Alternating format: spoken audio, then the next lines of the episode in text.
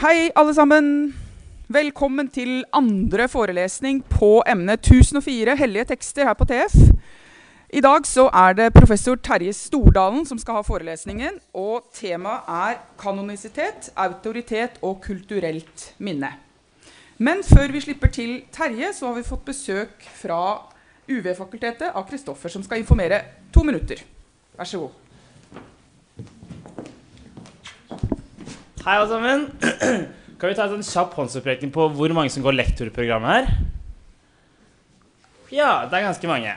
Eh, jeg heter Kristoffer og kommer fra lektorprogrammet Studentforening. Og jeg er her i dag egentlig bare for å informere om at i morgen så har vi semesterstartsmøte, hvor dere kan komme, få gratis pizza og brus, høre litt om hva vår studentforening driver med, hvem vi er, hva vi gjør.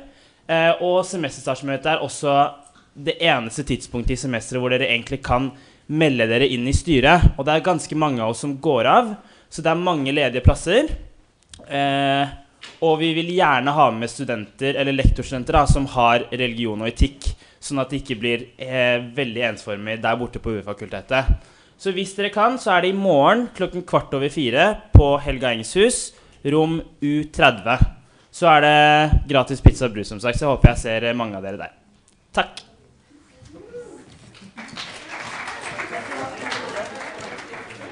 Takk skal du ha, Kristoffer. Altså Helga Eng, U30. Ikke sant?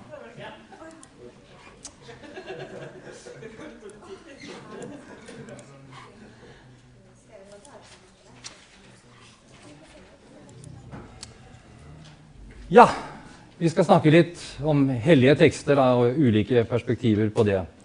Og Dere har jo hatt en hel uke på å lese boken, så jeg regner med at dere nå stiller godt forberedt. Men eh, i tilfelle dere ikke skulle ha rukket å lese alt, så har jeg forberedt meg på å sykle gjennom eh, hovedpunktene. Jeg tenkte at Det jeg gjør i dag, er å tegne en slags profil over det landskapet som er beskrevet i um, læreboka. Um, og så tenker jeg at de av dere som har lest, da sikkert sitter med spørsmål underveis. Og så har vi god plass til frem og tilbake uh, og sånn ja, utover. Så uh, for all del, hånda i været og avbryt på et hvilket som helst punkt hvor det ser ut som det er fornuftig. Eller føles fornuftig. Eh, hellige tekster? Spørsmålstegn. Og det spørsmålstegnet det er nok mer knyttet til den kategorien, altså det å velge å kalle det hellige tekster. Kan vi nå egentlig gjøre det? Er det der enhetlig? Uh, vet vi hva vi mener når vi snakker om hellige tekster? Her har jeg med meg eh, selvfølgelig den boka som alle kaller for Bibelen. det er sånn den ser ut. Den har eh, en del som heter Det gamle testamentet, med 39 bøker, og så har den en del som heter Det nye testamentet, med 27 bøker. Når ble den trykket i den formen? Hvor gammel er den som boktype? Nå snakker jeg ikke om denne oversettelsen, men det å trykke så mange bøker. Ja?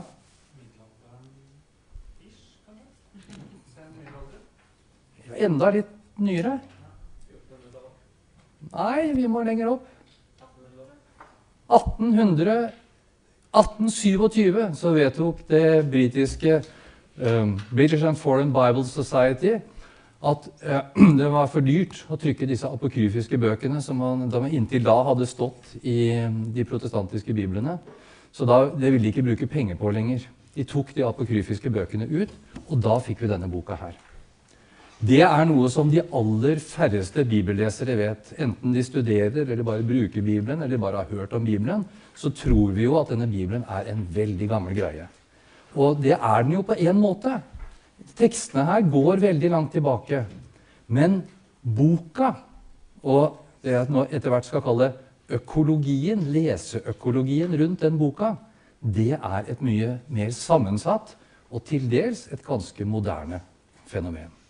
Det er noe vi trenger å vite når vi skal forstå hva det er som skjer med disse hellige skriftene i vår egen verden. Um, denne, det er noe med dette her. Disse hellige skriftene de har en tendens til å dekke over ulikheter. Vi kaller det hellige skrifter, og så tror vi at de er det samme. Vi tror at den protestantiske bibelen er den samme som den katolske bibelen, er den samme som den, den gresk-ortodokse bibelen. Vi tror at Koranen er ganske lik som disse biblene.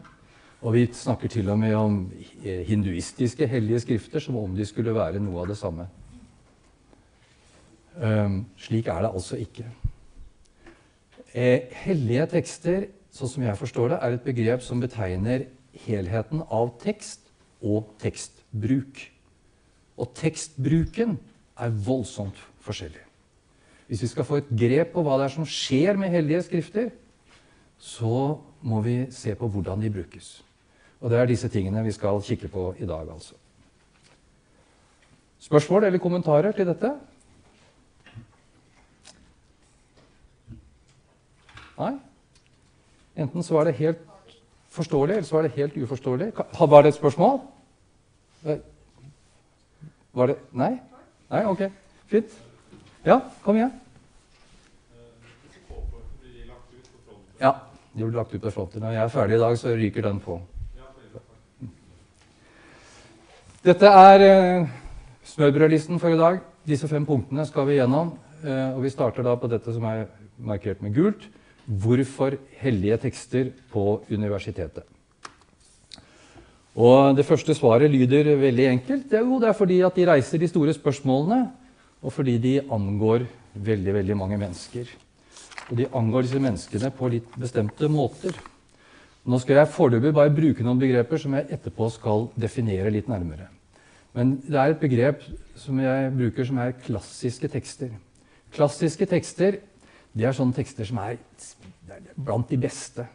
Og det var klassisk, sier vi. Det var virkelig fremstående. Det var en særlig kvalitet ved det. Um, klassiske tekster er i tillegg sånn at de får en varig betydning. De blir liksom sittende i en gruppe. Det kan godt være at forståelsen, tolkningen, bruken, lesningen forandres, men statusen forblir. Man, man, vi leser eh, Amalie Skram annerledes i dag enn man gjorde for 100 år siden. Men Amalie Skram sine tekster er fortsatt viktige. Så det er sånne tekster som har en evne til å overleve. Og hvorfor gjør de det? Jo, de bidrar til dannelse. De reiser noen store spørsmål. De reiser veldig ofte de spørsmålene som vi som mennesker ikke kommer utenom. Ikke de setter ord på de tingene som vi vet er der, men som det ofte ikke er så lett å snakke om.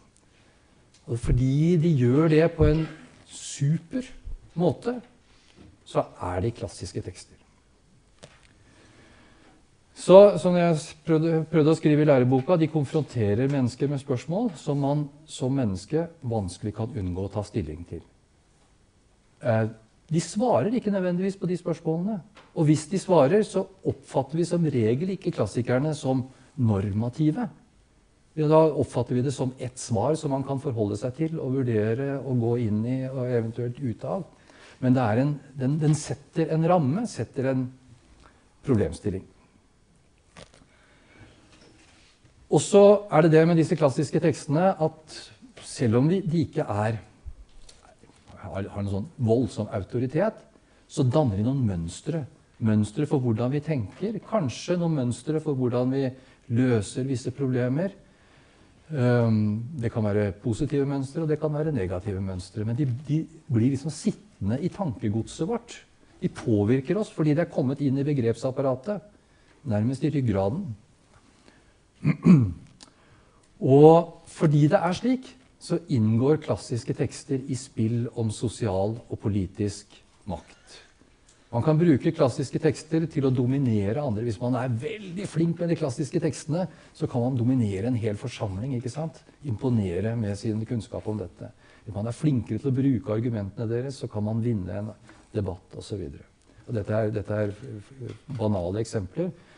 Men bare for å liksom løfte på den fliken at disse tekstene inngår i spill om utveksling av dominans og det å være dominert. Altså det er politisk, politisk makt.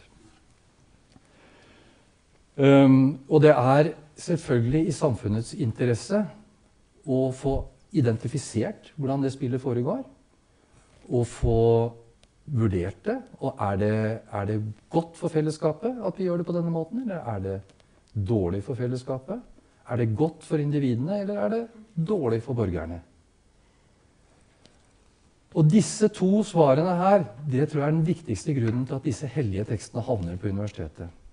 For universitetet har alltid sett på de store spørsmålene. ikke sant? Hva, betyr det å være menneske? Det har alltid vært et, et anliggende for universitetet. På ulike måter til ulike tider, men disse klassiske tekstene har på en måte vært der hele tiden. Og det andre på universitetet det er en kritisk selvrefleksjon på fellesskapets premisser. Så det er, det er slik som jeg forstår meningen med å lese disse, også disse hellige tekstene og en hvilken som helst annen klassisk tekst på universitetet. Så kan vi si masse mer, selvfølgelig, men dette er, dette er de to toppene som står opp i, i mitt landskap. Spørsmål eller kommentarer? Skjønner dere hva jeg mener med klassiske tekster? Ja, ok, fint. La oss allikevel definere litt. Uh, uh, og la meg bare si at jeg uh, inkluderte helt bakerst i boka noe som er kalt for ordforklaringer på side 87. Og der, hvis, dere, hvis dere møter et begrep som dere ikke har helt liksom, tak på, så kan dere slå opp der. Da får dere en kort to-tre linjer om det begrepet, men dere får også henvisninger til de stedene i boken hvor det er behandlet. Så um, det jeg nå sier det, Nå har jeg tenkt jeg skulle prøve om denne ordforklaringen virker, så jeg skal bare lese litt. Hva står det f.eks. om en klassisk tekst? Det har vi jo nettopp snakket om, så det vet dere. Det er en tekst som er blant de beste i sitt slag, og som har vært særlig populær og særlig viktig særlig lenge. Det er en kort definisjon av en klassisk tekst. Um, en kulturell tekst, det er en sånn klassisk tekst som blir så mye brukt og så viktig at den preger en hel kultur. altså Den blir bærer av en, en kulturell identitet så å si. Og Det er jo innlysende at disse hellige tekstene som vi har et fokus på, de har jo fungert på den måten. ikke sant? Koranen definerer arabisk eh, kultur og arabisk identitet. Bibelen ulike kristne identiteter eh, osv. osv. Så kulturelle tekster er tekster som blir så viktige at de kommer til å prege en hel kultur. Hva mener vi så med kanonisk tekst? Og her blir jeg litt mer spesifikk enn det dere kanskje er vant med, men jeg tror det er godt for vårt analysearbeid. En kanonisk tekst det er en tekst eller en tekstsamling som blir ansett for å være fremragende og autoritativ av en bestemt gruppe mennesker. Altså, vi må kunne identifisere samlingen, og vi må kunne identifisere brukerne. Og så blir den bekreftet som autoritativ gjennom den måten de bruker den på. Skjønner dere? Altså Vi har både en tekst, vi har noen brukere og vi har noen praksiser. Disse tingene til sammen utgjør denne kanoniske teksten, og det jeg senere skal kalle en kanonisk økologi. Um, det kan brukes til mange ulike ting. Det kan, være, det kan være en lovsamling. Altså Norske lover er jo en kanonisk eh, tekst. Et øyeblikk skal du få. Jeg skal bare avslutte den. Um, de norske lover. Men det kan jo være uh, altså en, en, religiøs tekst som brukes til livstolkning, eller som brukes bare til lesning. Uansett. Det kan være mange praksiser, men man må kunne identifisere disse praksisene. Vær så god, kom igjen.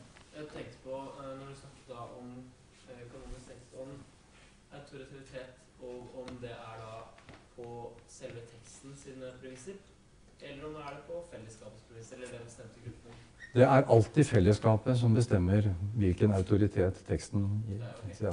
Så dette er en, en, en, sosial kategori, helt klart. Så, sånn som jeg bruker den. Ja. Det ikke, det er, når jeg sier det sånn, så høres det ut som en sannhet. Det er selvfølgelig gjenstand for fortolkning, og det er ikke, det er ikke ukontroversielt når jeg sier det på denne måten. Ikke sant? Men dette er den måten jeg forstår det på. Ja. Ok. Uh, flere gode spørsmål? Ja, kom igjen. Nei, det er ikke sikkert at det er så stor forskjell heller det er på klassiske og kulturelle tekster. Men Du kan jo tenke deg at en klassisk tekst er klassisk i et segment av befolkningen eller for en bestemt type bruk. Altså, Vi kunne jo kanskje antageligvis si i dag at klassisk musikk er veldig viktig for noen, men ikke for alle. Så klassisk musikk er ikke det som preger den norske allmennkulturen. Ikke sant? Mens popmusikken, den klassiske popmusikken den kanskje da er mer en slags kulturell musikk. Som en slags analogi. Gir det mening? Fint. Ok. Religiøse tekster. Ja, det der er altså et, Religion er et fryktelig vanskelig fenomen å, å definere. Det, det, er dere jo klar over. Det kommer dere til å møte gang på gang nå. Um, jeg tror jeg gjør det litt enkelt her nå. Jeg tenker at um, religion handler på en eller annen måte om sider ved virkeligheten som vi ikke ser til daglig men som de som da tror på den, mener at, de er, at det er sånn det er. Det er virkelighet. Det kan være guder, guddommer, det kan være en åndelig verden litt mer generelt. Det kan også for noen være en slags naturreligion som mener at uh, Som f.eks. ser um, noe spesielt i et nyfødt barn. Altså, religion kan ha veldig mange former. Men uh, for å si det sånn det er vanskelig å definere, men vi kjenner det igjen når vi møter det. Religion er disse tingene som er vendt mot en større verden, en verden bak bestemte ting. Og, og, da er det jo slik at de religiøse tekstene, for de som betrakter dem som sine tekster, åpner mot en annen virkelighet. Det er, det er noe av det, den viktigste karakteristikken ved disse religiøse tekstene. Um, kunne man godt tenke seg at um, religiøse tekster ikke er hellige. Men hvordan ser vi det så om en tekst er hellig eller ikke? Jo, det ser vi stort sett Eller det ser vi først i måten den brukes på. F.eks. en jødisk Torah-rull, som dere kan finne i synagogen, den må man ikke berøre med fingrene. Man har isteden en sånn pekestav som man følger bortover når man leser. Så der er selve teksten har noen kvaliteter som gjør at den står ut. Så det er hellig i motsetning til det profane. ikke sant? Tekster som står ut på en bestemt måte. Eh, evangelikale kristne i USA de legger aldri sin bibel på gulvet. For Bibelen hører ikke hjemme på gulvet. Da kunne man komme til å tråkke på den, og det ville være forferdelig. Det er en hellig tekst. Jeg hadde en morsom historie eh, fra min studentperiode. Det er jo da et par år siden. Men da var det en av mine medstudenter som hadde hatt innbrudd på hybelen. Og han hadde et veldig fint stereoanlegg, og det var selvfølgelig tatt. Men platespilleren var ikke tatt. Og det var en særdeles dyr platespiller. Ingen av oss forsto noen ting om det. Inntil hans eh, husvert kom og sa ja, men det er jo ikke noe rart. Du har jo lagt fra deg Bibelen oppå platespilleren.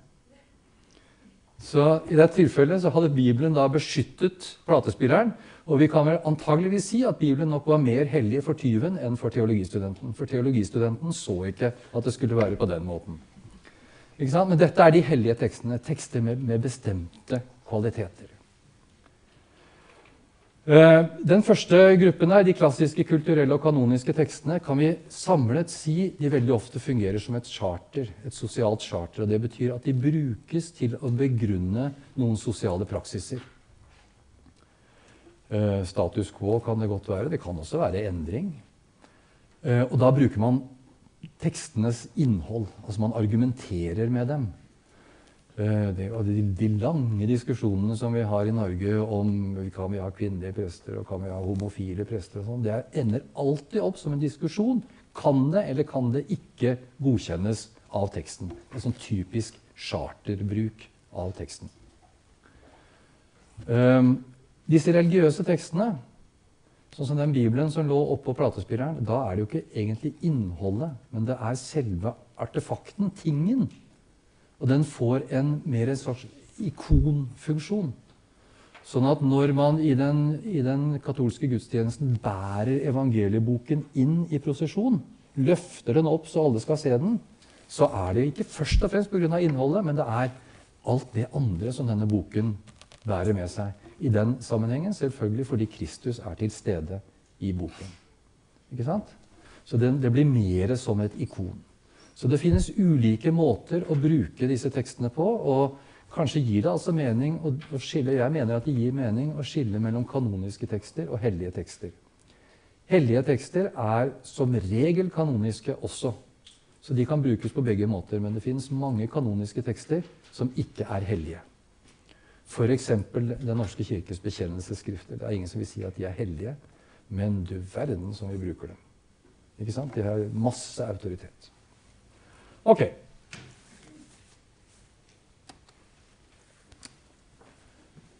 Da har jeg allerede brukt dette begrepet kanoniske økologier noen ganger. Eh, hva mener jeg med det?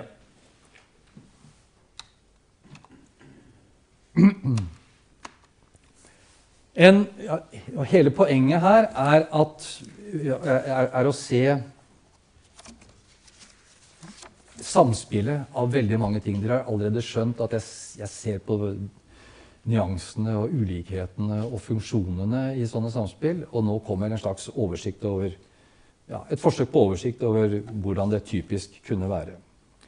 Og eh, Dere har også skjønt at kanon handler om veldig mye mer enn bare tekstene. Um, la, meg, la, meg, starte på vei inn i dette. Det er sånn, nesten et dumt eksempel. Men når vi får en ny bibeloversettelse i Norge, så vedtas den av, til, til syvende og sist av styret i Bibelselskapet.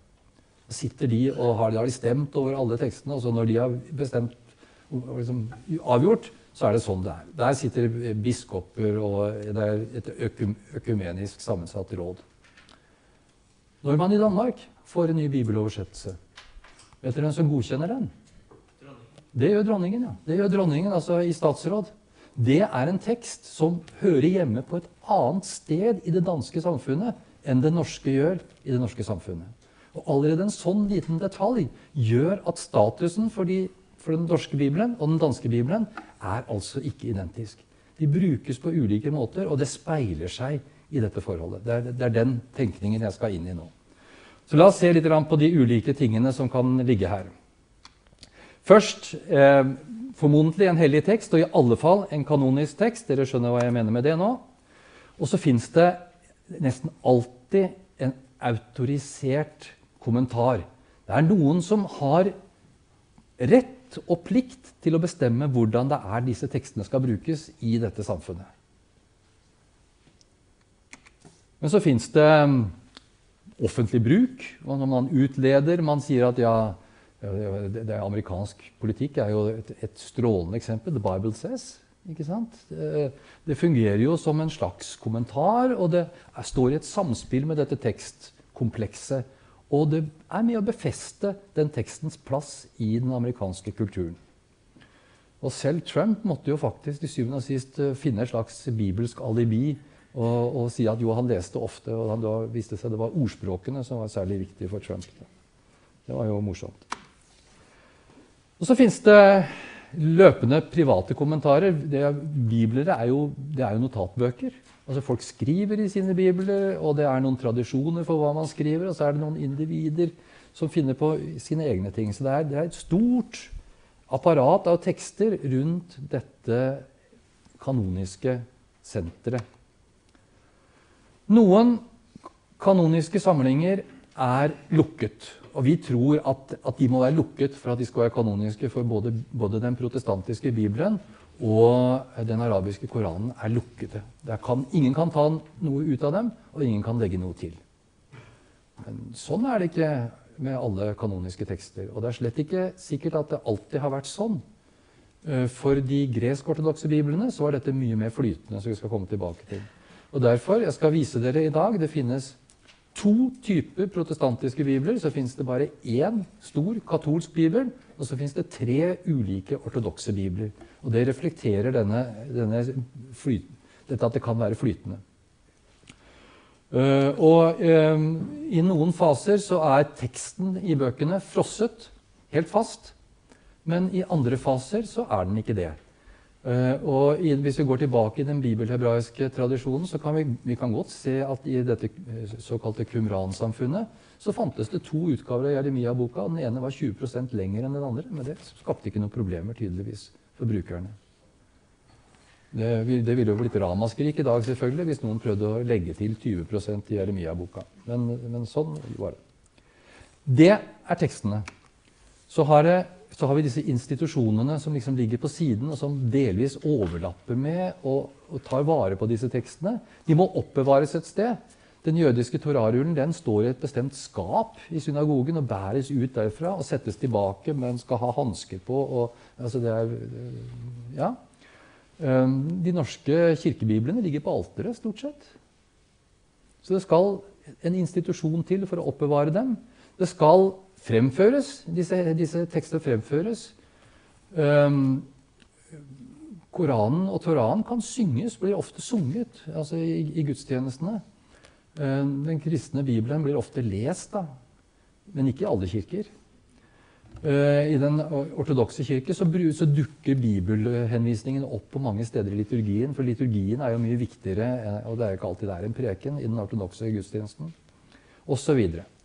Så må de kopieres. Nå har vi fått boktrykkerkunsten, så nå er de eh, litt mer usynlige. Men vi har jo altså et bibelselskap. Og vi har noen som har ansvaret for å oversette og trykke opp disse tekstene. I gamle dager, den perioden som jeg er mest interessert i, så var det jo ikke noe trykking. Da måtte man kopiere. ikke sant? Man satt og skrev av, og det var strenge regler for hvordan det skulle skje. Og for hvilke institusjoner det var som kunne kopiere. Så er det denne, den, denne, kommentaren skal vi faktisk komme litt tilbake til. Jeg skal vise dere mer etterpå, Men det er noen institusjoner som har ansvar for å kommentere, og det er noen institusjoner som har ansvar for å lære opp de religiøse ekspertene. Ikke sant? Og det er klart at Alt dette inngår i denne kanoniske økologien. Så er det praksisene. da. Hvordan er det vi leser? Taler vi eller synger vi? Når det blir lest, sitter vi eller står vi? Kan vi bære boken inn i prosesjon, eller er det noen spesiell måte å markere det på? Lytter vi i fellesskap, eller leser vi individuelt? Det er en veldig viktig distinksjon skal komme tilbake til litt seinere. Bruker vi den til å studere, eller bruker vi den ikke til å studere? Det er veldig interessant at i jødisk uh, utdannelse så bruker man som regel Talmud som studietekst. Mens Tanak er en så hellig tekst at det er litt, vanskelig, litt vanskeligere å studere den. Det hører hjemme på de mer avanserte nivåene. Ok.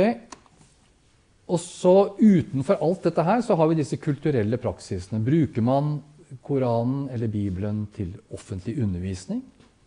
Så det var jo sånn i store perioder av, av Vestens historie at var, man skulle lære å lese. Og den boken man brukte som lesebok, det var Bibelen. Ikke sant? Så, det, så Poenget med å bruke den er jo noe helt annet enn det som skjer i gudstjenesten. Men det bidrar altså til den kulturelle praksisen og den, dermed den kanoniske økologien. Og fester jo denne teksten selvfølgelig i et mye bredere kulturelt nedslag. Så kan, eh, kan man bruke den til å legitimere f.eks. statlige valg. Det er jo ikke for ingenting at de gamle danske kongene står med kors og bibler og sånn når de er framstilt. Og, og eh, setter opp monogrammene sine i kirken og sier at kongen har utbedret denne kirken osv. Hvis dere reiser i middelalderkirken i Norge, så ser dere det umiddelbart. Så her er man også knyttet til, og det er klart Da, da oppstår det et samvirke mellom kongemakten og den religiøse makten. Uh, og i politisk retorikk osv. osv.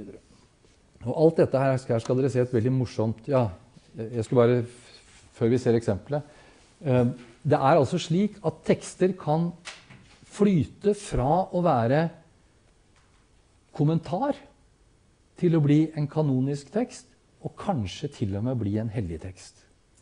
Og De av dere som skal gå videre og studere Det gamle testamentet, dere kommer til å se at det er masse sånne glosser, kommentarer, som i sin tid var forklaringer til teksten, men som nå har blitt del av den hellige teksten.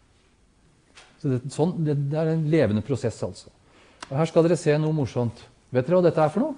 Er Det som, det hadde vært morsomt hvis noen visste hva det var. Ja, få se. Nei, men det er veldig nær. Det er veldig nær. Dette er en kristen bibel. Fra middelalderen. Det heter Biblia cum glossa ordinaria. Bibelen med den vanlige glossen. Og bibelteksten, det er den der.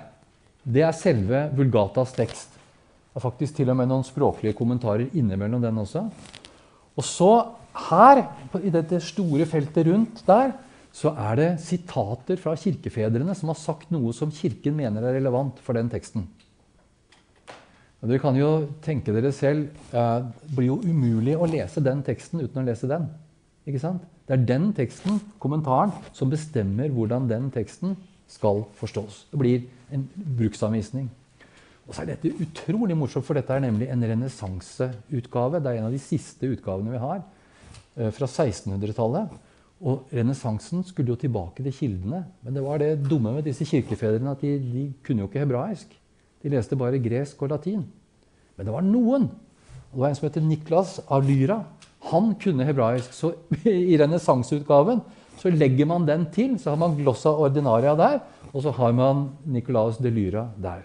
Så dette er da et tillegg som er kommet på 1500-tallet i denne bibelen. Så den har jo da egentlig vokst kan du si, fra 200-tallet og oppover og har denne formen her. Og illustrerer veldig godt hvordan liksom, en, en hellig tekst utgjør bare kjernen i et stort kompleks av kanonisitet. Det er morsomt. Veldig grafisk når du ser det på denne måten her. Uh, I boka vil dere se at uh, Talmud ser nesten helt lik ut. Så det var ikke noe rart i at du kom med det forslaget. Men eh, også konfusiansk kanon har dette, dette karakteristika. Hvor kommentaren altså er kommet inn og blir en del. Og på latin så heter dette pagina sacra, den hellige siden. Så der er faktisk kommentaren blitt regnet som hellig. Ok? En, en parentes. Vi kunne jo tenke oss at uh, sånn er det i dag òg. Selv om vi ikke gir ut biblene på denne måten, så fins det jo altså nede i biblioteket så er det jo hyllemeter med kommentarer. Hvilken rolle spiller de kommentarene i vår tids kanoniske økologi? Det vil jo være veldig interessant å undersøke. Og det er ikke bare til Bibelen. Altså er, sånn sånn fins det til Tanak og Talmud og til Koranen osv. Her er det store maskinerier på gang. Ok. Spørsmål eller kommentarer? Ja, kom igjen. Ja, det er et veldig veldig godt spørsmål. Er dette en forløper til katekismen? Altså, i, i, sin form er det vel antageligvis ikke det. Men den lutherske katekismen fungerer på denne måten. Fordi den lutherske katekismen ble jo bekjennelsesskrift i nesten alle de lutherske kirkene. ikke sant? Og ble dermed en sånn autorisert kommentar som man skulle lese den hellige teksten igjennom. Eh, sammen med de, de tre oldkirkelige trossymbolene er jo dette den, den, mest kanoniske teksten ved siden av bibelteksten.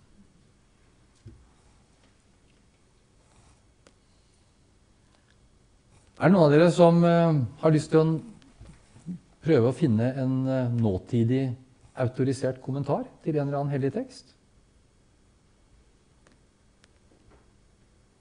Jeg spør selvfølgelig fordi jeg lurer på om dere skjønner hva jeg snakker om i praksis. Fins det, det, noe sånt til uh...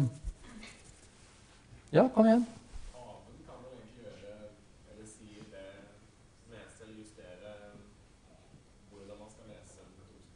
Det er helt riktig. For i den katolske kirke så er jo Skriften og tradisjonen det er de to sporene som, som altså tros, Den katolske troen går jo ut på at disse kan aldri være i, i, eh, i, konflikt med hverandre. Men den som forvalter tradisjonen, det er jo ytterst sett paven. ikke sant? Men paven gjør det på kirkens vegne og altså i forlengelsen av hele den lange kirkelige tradisjonen. Men det har jo skjedd i den katolske kirke. Den katolske kirke gjør det jo ikke på den måten man sier at nei, nå er vi uenige i hva som vi sa før, så nå endrer vi oss. Det går liksom noen hundre år, og så glemmer man det man har sagt, og så sier man noe annet som går mer i en annen retning. Men i praksis så er jo dette akkurat det vi ser her, altså en, en fortløpende kommentar som eh, endrer måten man leser den kanoniske teksten på. Fins det noe til den protestantiske bibelen? Ja vel, kom igjen.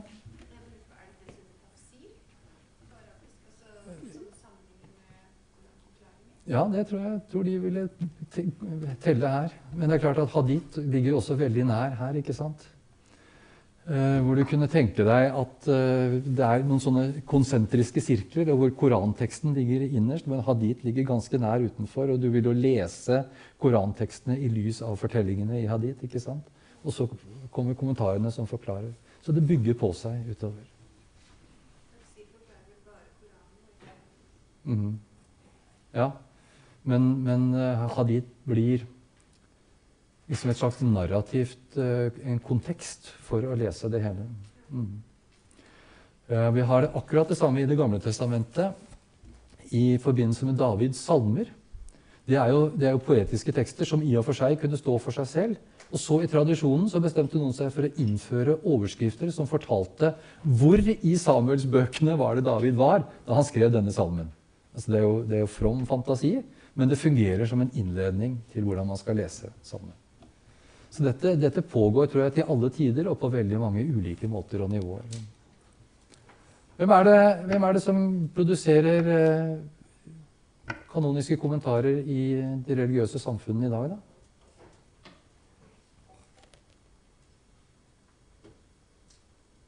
Kanskje på enda litt lavere nivå? Jeg tenker at En prest som går på prekestolen hver søndag og skal si noe fra prekestolen om en tekst, er jo på en eller annen måte del av dette kretsløpet. Ikke sant? Og eh, en eh, islamsklærer som gir ut en fatwa, er jo også en del av, av, dette kretsløpet i en eller annen forstand. Så det betyr at vi, her har vi et, et sett med analytiske begreper til å forstå hva det er som foregår i dag og til å forstå hvorfor får en prest autoritet? Hvorfor lytter folk til en, til en fatwa? Ikke sant? Marianne? Jeg vet ikke Hvor mye uenighet kan det være da innenfor kanonisk, et kanonisk system? F.eks. en prest, en annen prest, en tredje prest eller en altså, skriftlærer. Så er det, er det alltid en linje? Er det alltid enighet? Nei. Eh, er det alltid enighet? Nei, det er det selvfølgelig ikke. Men um, jeg skal komme tilbake til det. Spillerommet for uenighet er jo ikke det samme i alle økologier. Og Det som kjennetegner den, det jeg kaller for den nyprotestantiske bibeløkologien, altså den som vi står midt oppi, det er jo mangfold og uenighet. Og Det er noe som, er, noe som er kommet med modernismen. Altså dette, dette kommer fra 1800-tallet, omtrent samtidig med denne bibelen. Ikke sant? Uh, og Det er de forholdene som vi lever under. Men det er ikke alle eh, samtidige kanoniske økologier som er slik. Altså en, en, en, koransk økologi i Iran er ikke nødvendigvis på samme måten. ikke sant? Eller, eller en ø, jødisk på Vestbredden.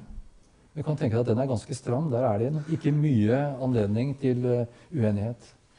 Så uh, dette varierer, og det vil være en måte for oss å forholde oss til å klassifisere de ulike kanoniske økologiene på.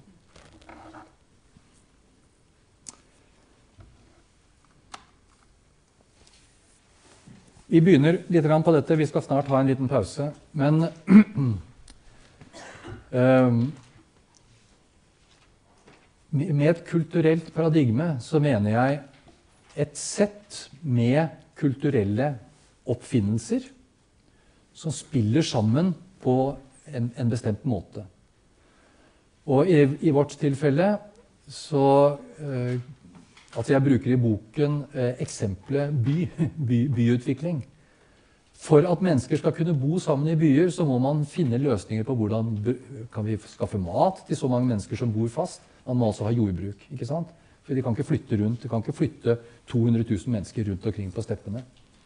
Du må ha et sted for å håndtere avfall. Du må ha noen politiske systemer som regulerer hvordan de skal løse konfliktene sine osv. Så, videre, og så, videre. så det er mange ulike kulturelle produkter, både fysiske, politiske, åndelige øh, vaner og kulturelle. ikke sant? Alt dette spiller sammen og gjør det mulig å, å bo sammen i en by. Og straks det paradigmet er oppstått, så kan det eksporteres. Og det vil aldri være identisk fra en by til en annen, men det er noen kjennetegn som går igjen. Når man først vet hvordan man bor i byer, så klarer man å løse, løse problemene. Og litt sånn er det med hellige tekster også. Uh, og min påstand er at denne ideen om å ta en tekst og gjøre den til et ikon for en felles identitet, det er et sånt kulturelt paradigme.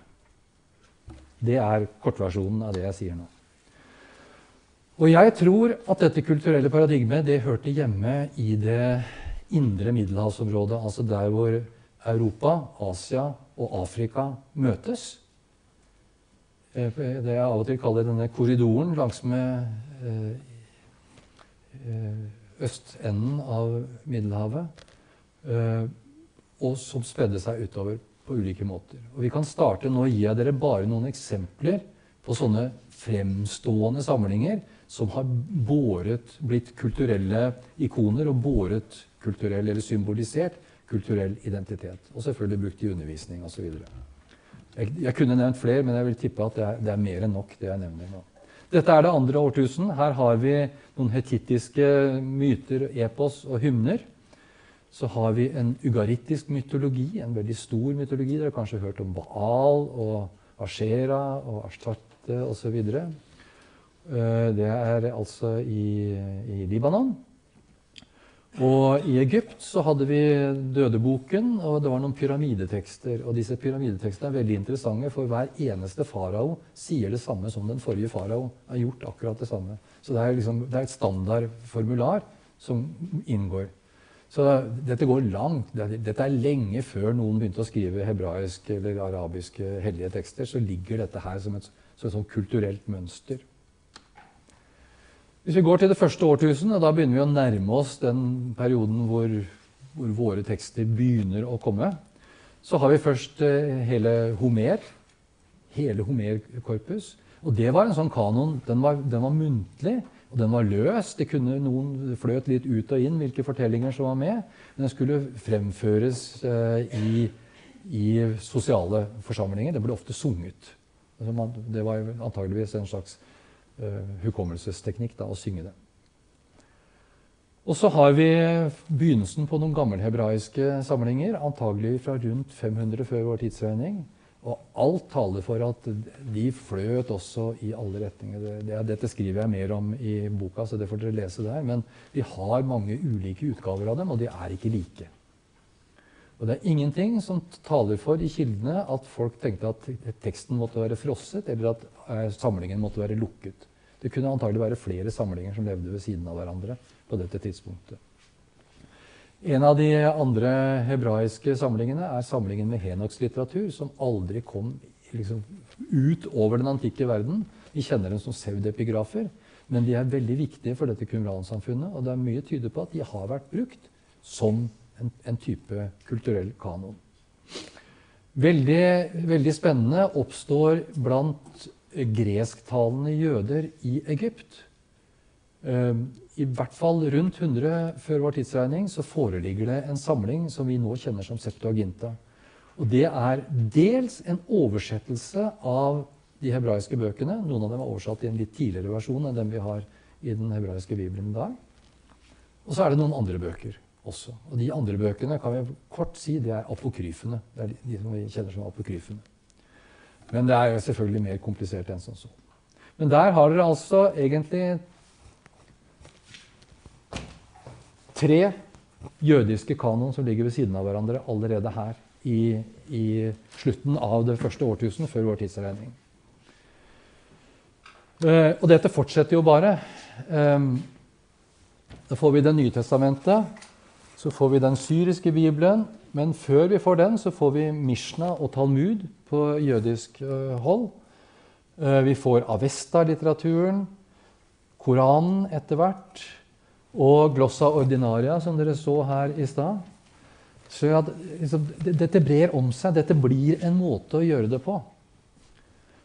Um, la, oss, la oss stoppe der um, akkurat nå. Ehm, jeg skal bare si at Det mest spennende Hvis vi sier at, vi, at vi nå er 300, før, nei, 300, i vår tidsregning, så er veldig mange av disse på plass. Talmud er ikke enda ferdig, men Mishna er klar.